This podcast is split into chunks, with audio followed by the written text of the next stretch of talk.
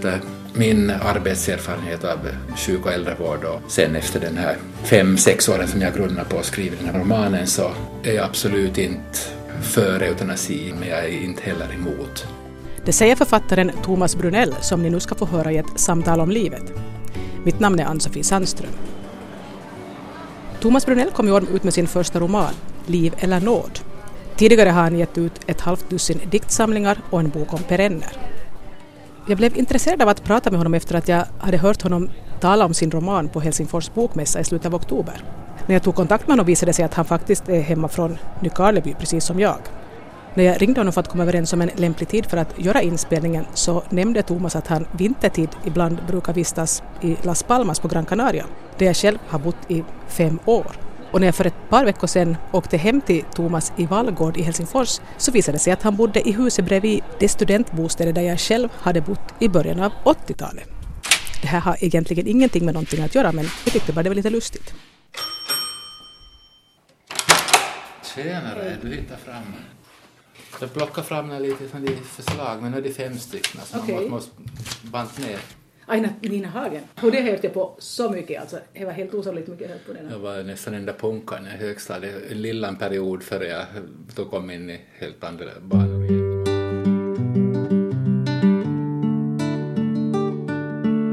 Mitt namn är ju Thomas Brunell, eh, född 1966 i Nykarleby, eller närmare bestämt i Ytterjeppo, 10 kilometer från centrum. Mina föräldrar var jordbrukare, vi var potatisodlare. Två syskon har jag, en bror och en syster. Båda är äldre, men att vi kom väldigt tätt, att blev född nästan med ett och ett halvt års mellanrum.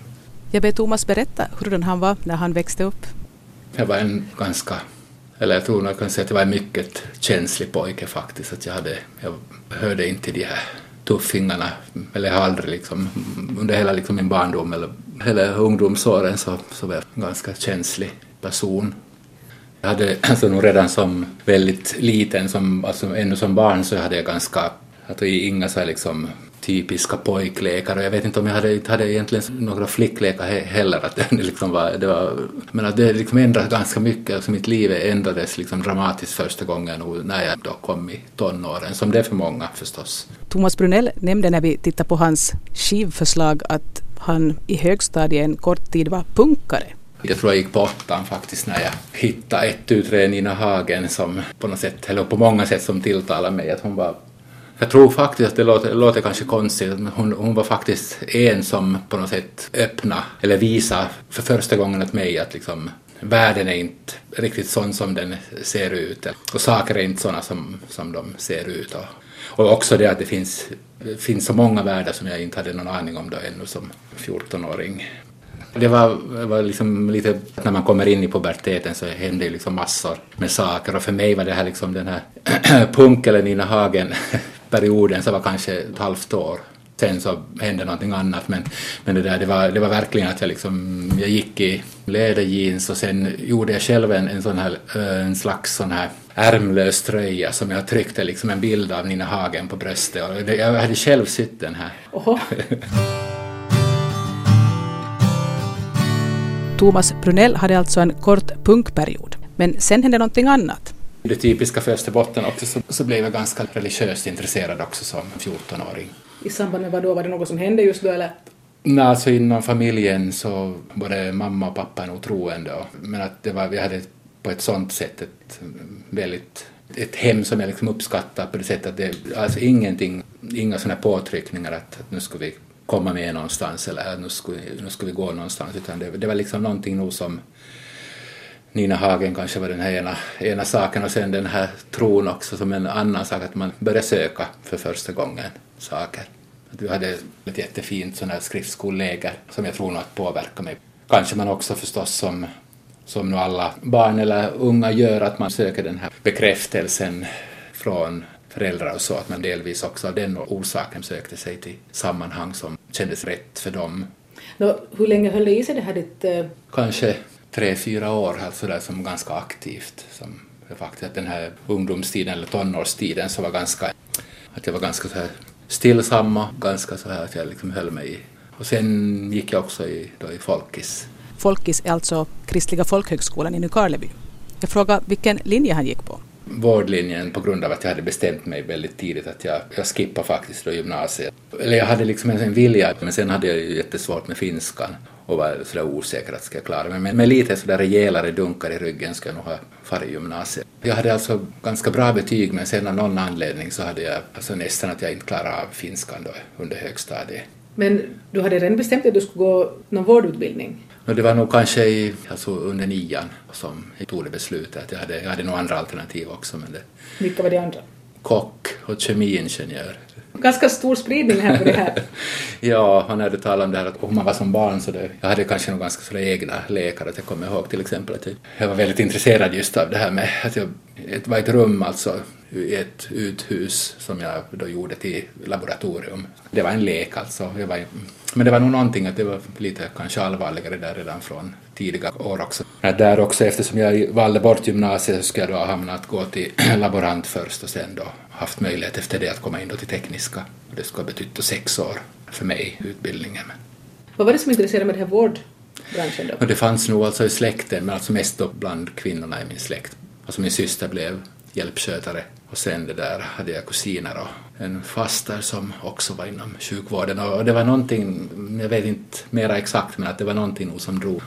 Man skulle vara 18 år innan man kunde söka till sjukhus så då var den här vårdlinjen på folkhögskolan ganska naturlig. Jag frågade Thomas Brunell hur tidigt han började skriva. Alltså det började nog i unga år på 80-talet då att jag hade något slags sån här uttrycksbehov och att jag skrev både allra mest då kanske dikter. Och jag tror nog faktiskt att, att det i Nykarleby finns så många författare att det faktiskt lite inverkar också, att man kom lite i kontakt med det. Och det var nog så här att från det att jag var jätteliten, att det här att man faktiskt mm, nosade sig fram helt själv till olika saker så var det liksom att jag var jätteöppen öppen för, för allting. Och jag tror att det, det här också med, med alltså olika konstformer så var någonting som tilltalade mig jättemycket. Att man kan faktiskt, alltså i en dikt kan man faktiskt se då världen i liksom ett helt nytt ljus som man inte hade liksom haft en aning om att, att det här är också verklighet fast på ett annat sätt. Jag var kanske en sån på något sätt eh, sån här som jag sa, känslig pojke, att jag hade liksom behov av att hitta vägar in i nya saker som skulle förklara för mig att varför jag själv var sån som jag var och varför världen var som den var. Att det var jag tänkte på det nyligen, det var, det var faktiskt jag själv som letade reda på all, allt det som jag skulle göra sen på något sätt. Att, Hur gick du tillväga? Alltså du måste ju ha varit på väldigt många olika sätt. Tidningar, TV, till exempel den här byn som på där jag bodde, så det var ju väldigt liten och alla höll mer eller mindre på med samma saker. Och som jag kände då att det här var liksom, det kändes på något sätt som helt främmande för mig, att, att det, där, liksom det här är inte mitt ställe. Att jag liksom höll mig nära riksåttan och höll kik.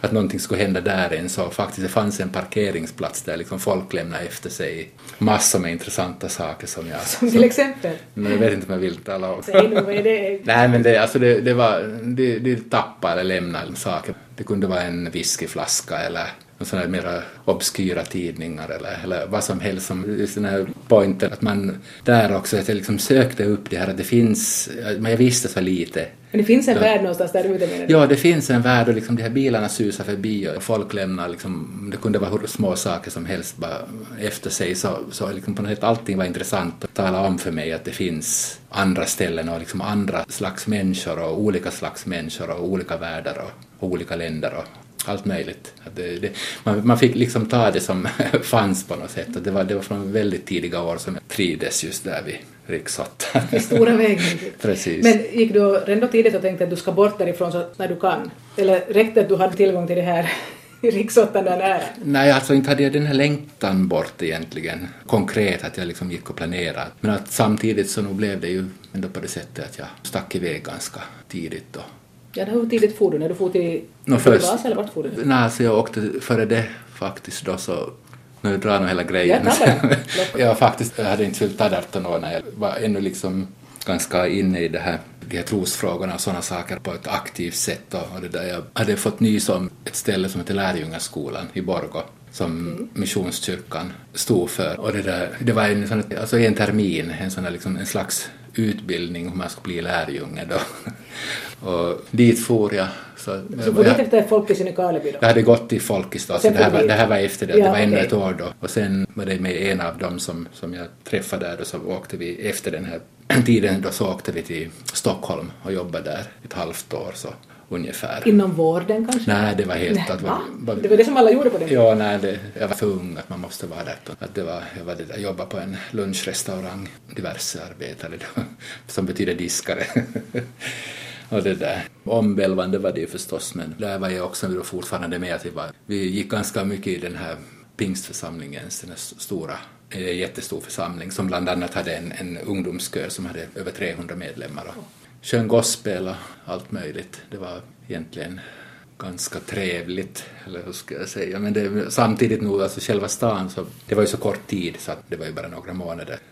Stockholm kändes nog sådär väldigt, att det var, det var både stor och väldigt sån här trendigt och jag hann nog åtminstone inte på den här korta tiden börja trivas faktiskt sådär jätte, fast det fanns liksom, det var där också naturligtvis som man såg och liksom hörde och kände och alla sinnen var liksom öppna att man tog emot och såg vad som fanns på en sån stor plats som Stockholm faktiskt.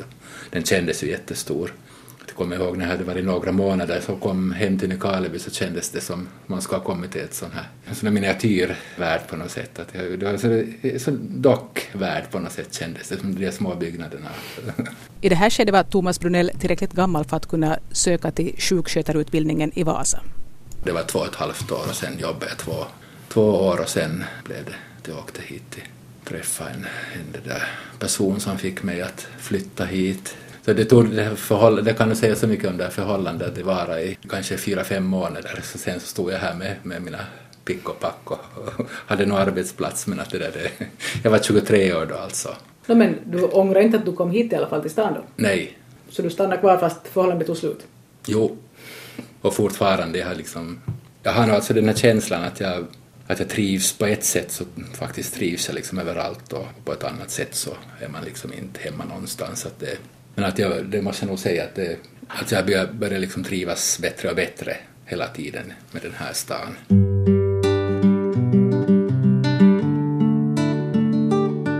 Thomas Brunell berättade i början av det här programmet att han redan i högstadiet bestämde sig för att utbilda sig till sjukskötare.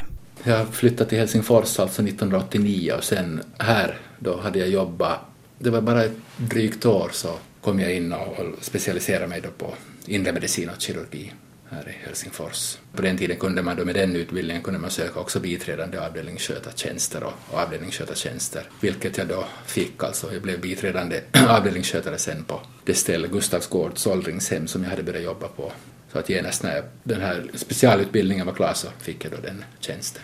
Hur länge jobbade du sen där? Fram till 99, så att det blev tio år inom åldringsvården. Fast jag under den tiden också började då söka mig till andra saker, att jag hade ganska tidigt liksom börjat skriva dikt. Och sen det där, på grund av sjukskötarutbildningen så hade jag, hade jag då möjlighet att på dispens komma in till Uni och började då studera litteratur i början av 90-talet. Svensk litteratur hette det på den tiden. Det var igen en, verkligen en ny värld att stiga in i, att jag visste väldigt lite och, och det där. Men mycket intressant. När slutade Thomas Brunell definitivt jobba inom vården?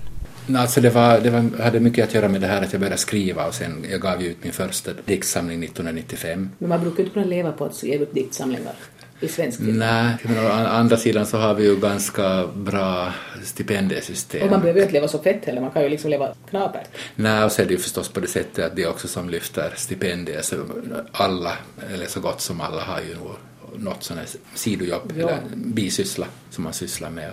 Så det var egentligen du, du valde liksom då att nu, nu satt, tänker du satsa på det här skrivande?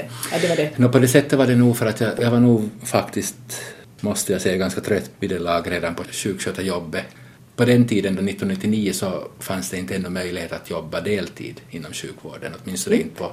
Nej, det var, det var väldigt, mm. åtminstone på det stället där jag var så...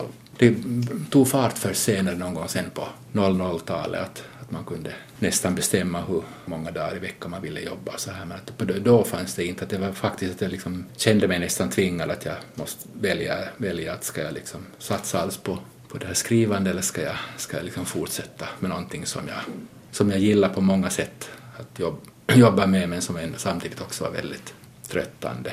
Du nämnde någonting om att du kör taxi nu också lite.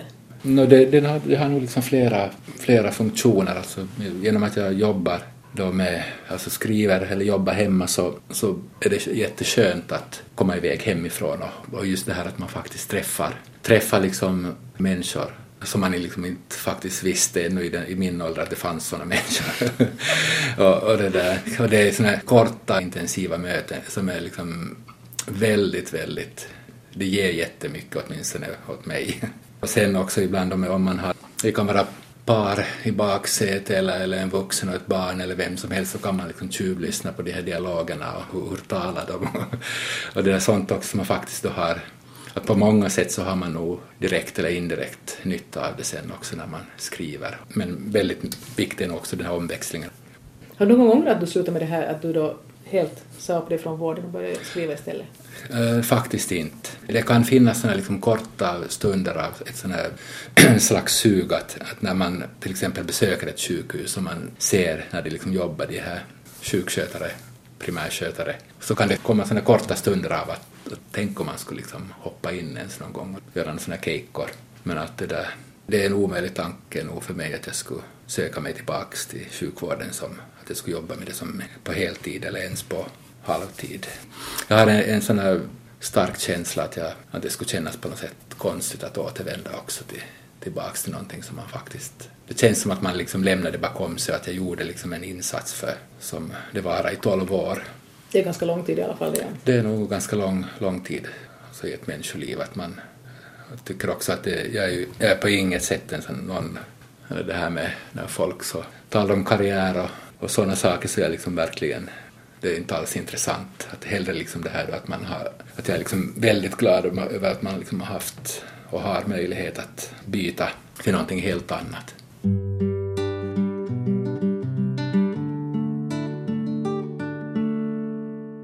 Thomas Brunells första roman kom i år och den heter Liv eller nåd.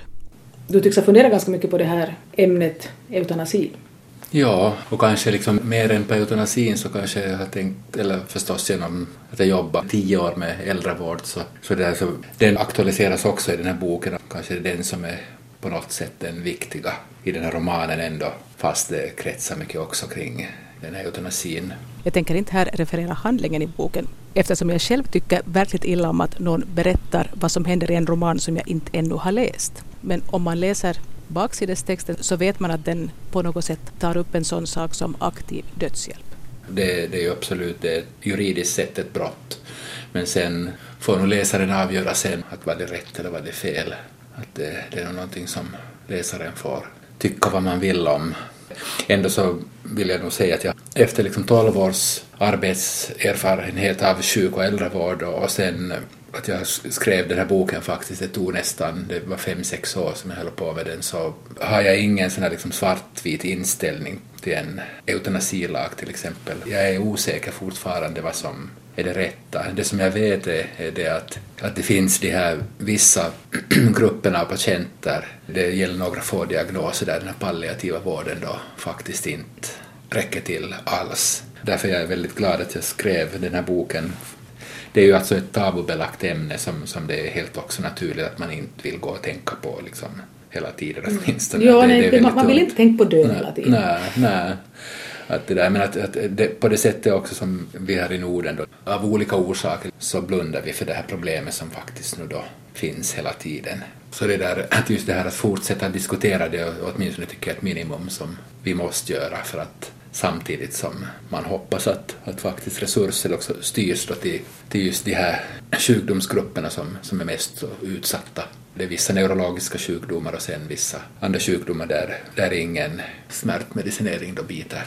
Men som sagt, det vill jag nog liksom säga ännu att om jag skulle höra till den gruppen som säger ja och tycker att vi måste få en eutanasilag i Finland, om jag skulle höra till den gruppen så då skulle jag liksom göra dagsverken inom Exitus RY, den föreningen som jobbar för de här sakerna, eller, eller sen ska jag liksom eh, för vård, vårdvetenskapliga undersökningar eller, eller sen artiklar eller, eller någonting. Jag skulle inte skriva en roman om det. Jag tycker att det här var ju det tacksam också med att skriva en roman. För att jag tycker att en roman, den borde inte vara ett svartvitt ställningstagande för eller emot. Att en sån stor och viktig fråga så måste man kunna stå liksom och lite som när man med sig i stigen också, att man faktiskt vågar liksom nosa sig fram och belysa från så många olika håll som möjligt. Det finns sådana också som skriver böcker om det som, som har en sån här helt fast åsikt färdigt, att, att de, som de liksom ruckar på. Och där blir det lite, lite samma som det här att man säger att, att jag har en sån andlig tro som förbjuder sånt, att jag, jag diskuterar inte ens det. Helt liksom.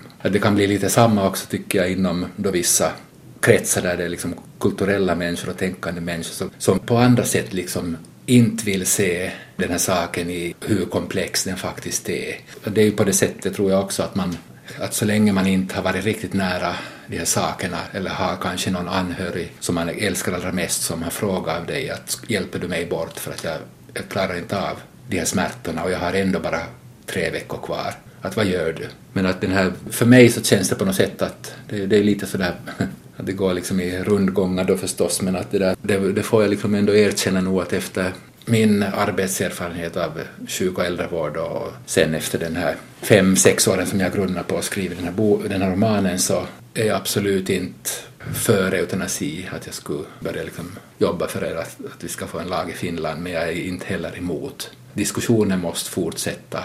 Har du själv gjort någon sorts testamente för hur du själv vill ha det? Uh, jag har haft ett, men jag tror att jag hamnar bort och det där. Ja, att jag har inget nu faktiskt. Och det kommer jag bara att tänka på också i samband med det. Var det, var det någon, någon på Husis som, som nämnde om det här att, att, man, att det borde också finnas vårdtestamenten att när jag blir gammal och behöver hjälp så får ni vårda mig. Att den vägen också, att det, det skriver jag faktiskt under och håller med om det här också att det är farlig tanke det här att om de äldre liksom känner att det är till last och att det mm. inte finns resurser, att de, de blir bara alltså deprimerade bara av det, den saken och det är ju, det är ju helt barockt och grymt. Mm.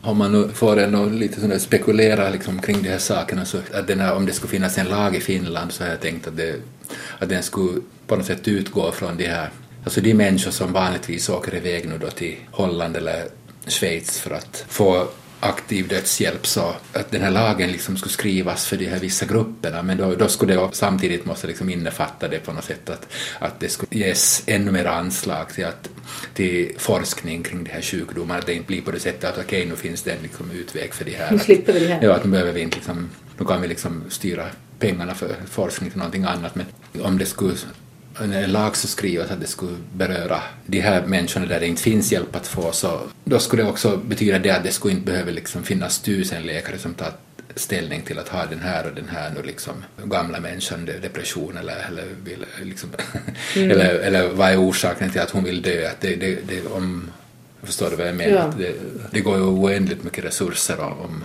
om lagen är sån, sån att, att alla kan liksom beställa tid till en läkare att, och, och sen att det är två läkare minst och kanske andra människor också som tar ställning till den här människans situation. Att det är ju på något sätt. Men det, där, det här är som sagt... Om man än vrider och vänder på det så är det ju ett besvärligt ämne att liksom på något sätt få grepp om med sin egen skalle också. Mm, jo, absolut.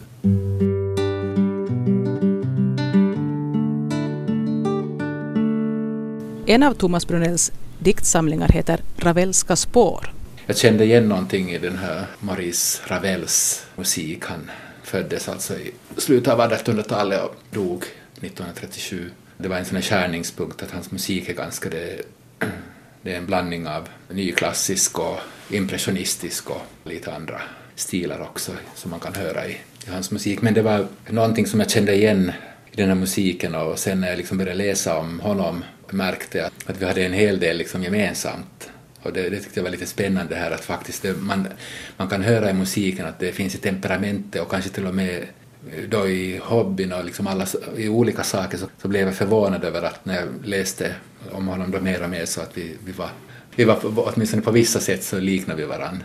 Bland annat det här med trädgårdsintresse och, och sen flera andra saker också.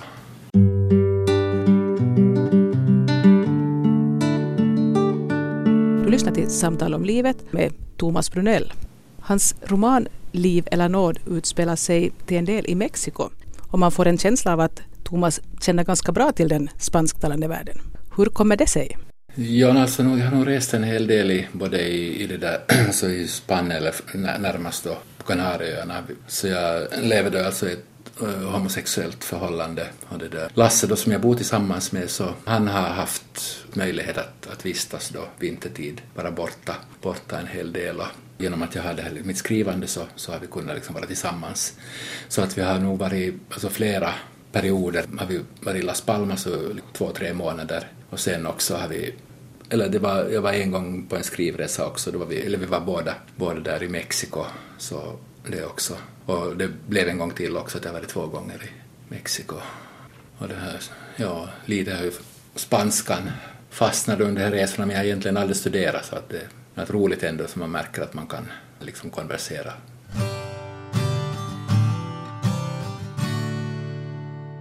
Thomas nämnde just att han lever i ett homosexuellt förhållande. Så jag frågar när han själv förstod att han var homosexuell.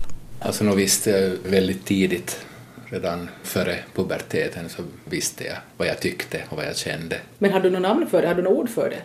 No, alltså inte, inte före tonåren knappast. Mm. Nej, inte tänkte, man, inte tänkte man på det. Så nu var det ganska diffust för det måste jag säga för att jag var redan ännu när jag, liksom, när jag skulle flytta till Vasa så hade jag en sån här föreställning att om det finns andra homosexuella där så är det i så fall så det finns åtminstone ingen som är i min ålder. Det tänkte jag. Att det, det är liksom sådana gamla gubbar eller... att jag hade nog levt i någon, någon sån här märklig värld under mina tonår för att jag, jag var faktiskt ganska... Jag, jag, visste inte.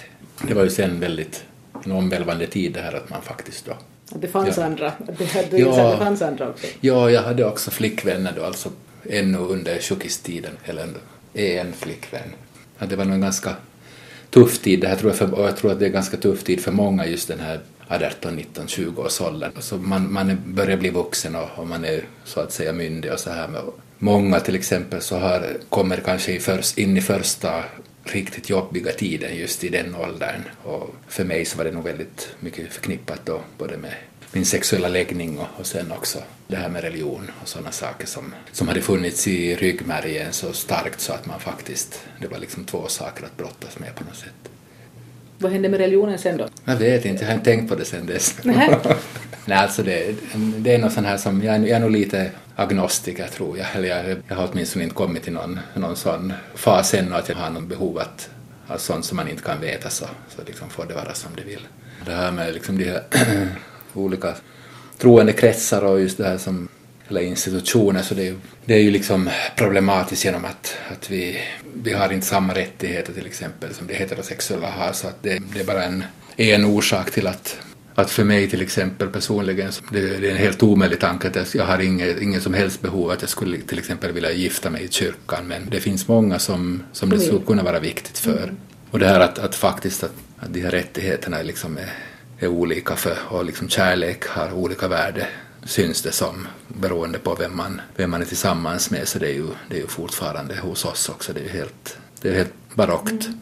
Vi kommer in på det här att homosexuella inte heller kan adoptera. Och Thomas berättar att han som 40-åring fick en stark längtan efter att bli far. Ja, och jag tror nog att det syns i den här romanen lite också att jag faktiskt hade, fast det är liksom där harriet som det går så för så, så det är nog, nog det liksom, av mig i det också att jag det finns ju den här fiktiva pojken där i Romano Olito så bara liksom de här små sekvenserna så liksom, det liksom väckte nog liksom olika, olika saker som jag blev faktiskt ganska förvånad över att det är alltså flera år sedan det här då redan, men att, att, att, att man, det, det låter lite sådär skitsot kanske, men att jag, jag tror faktiskt att man kan ha, kan ha och liksom och måste få liksom bekräfta en sån här längtan att bli pappa eller mamma. Att den här längtan finns där fast man inte ens om man skulle ha möjlighet skulle man kanske göra något åt det för att det skulle bli av. Att det, det kan också vara så. Men att det där att för mig så fanns nog åtminstone den här ganska starkt under en kort, kortare tid den här och sen tror jag också faktiskt att det går liksom i vågor, att jag har en sån här känsla av att om, när, jag, när jag inte själv är pappa så är det att nu har det liksom lagt sig den här. Men sen tror jag faktiskt att om man inte har, har barn också att det kan gå liksom i vågor sen att det är inte alls omöjligt att om jag lever till i 60-årsåldern så kan det komma på nytt. Och kanske till och med dubbelt att man saknar både barn och barnbarn. Men det är någonting som man inte vet och som man inte ska... Jag har lärt mig så mycket, mycket också av en god vän här i stan som sa att det som, som man är mest rädd för så det händer sällan. Och det tror jag på, att det, att det är helt liksom onödigt att börja liksom gå och tänka på saker och liksom vara rädd för olika saker på förhand. Att hur ska det gå sen med en viss sak? Vi har suttit och pratat väldigt länge om allt möjligt, men jag frågar ännu ifall Thomas Brunell är nöjd med livet. Ja, vanligtvis är jag nöjd och glad. Och så om det kommer sådana här liksom down-perioder så varar det liksom tre timmar och så är det över. jag har upplevt som helt Det kan vara liksom det här när någonting känns mörkt eller liksom svårt så, så blir det liksom, man går liksom jättedjupt men man stannar inte där. Alltså så, tre timmar låter som ganska hanterligt trots allt. ja, verkligen. Ja. Hur är det förresten med Thomas Brunells förhållande till Österbotten? Det som betyder mest där är förstås att man har sina föräldrar och syskon och sen den här själva platsen. Den här konkreta platsen där liksom på byn med, med alla, en backe där bodde och, stenarna och grusvägarna. Älven, inte att förglömma, Lappå som det var bara 300 meter till den med en hängbro då över till andra sidan. Nu känns det som att det, det ställe där man har sprungit som barn så nog har det en, vill man det eller inte så har det, det har en betydelse och en st mycket större betydelse än, än vad man kanske tänker. Det, det, är ju det här som jag är väldigt glad över idag, att faktiskt det, det är inte desto längre avstånd heller, att man kan faktiskt besöka väldigt ofta både Nykarleby och sen hembyn där min bror fortfarande bor. Har du någon gång lekt med tanke på att flytta tillbaka dit till dina hemtrakter? Nej. Aldrig? Nej. Alltså, jag nog kanske sa lite för snabbt eh, nej, men att alltså på, på det sättet nog, det här, det här tänkt, nog har jag faktiskt nog tänkt någon gång att, att det där om jag, får, om jag får ett långt liv om jag liksom lever till, eh, till pensionsåldern till exempel så då har jag nog lekt med tanken att, att skaffa hund och sen bo på landet i Nykarleby så det inte skulle vara alldeles liksom illa men det, det är en tankelek alltså. Jag har nog också har många andra tankelekar också bland annat att om, om jag flyttar så flyttar jag liksom söderut Berlin eller, eller ännu längre men att det här som sagt det, det är något tankar som man leker med som jag, jag har inget, inget behov av att flytta bort från Helsingfors.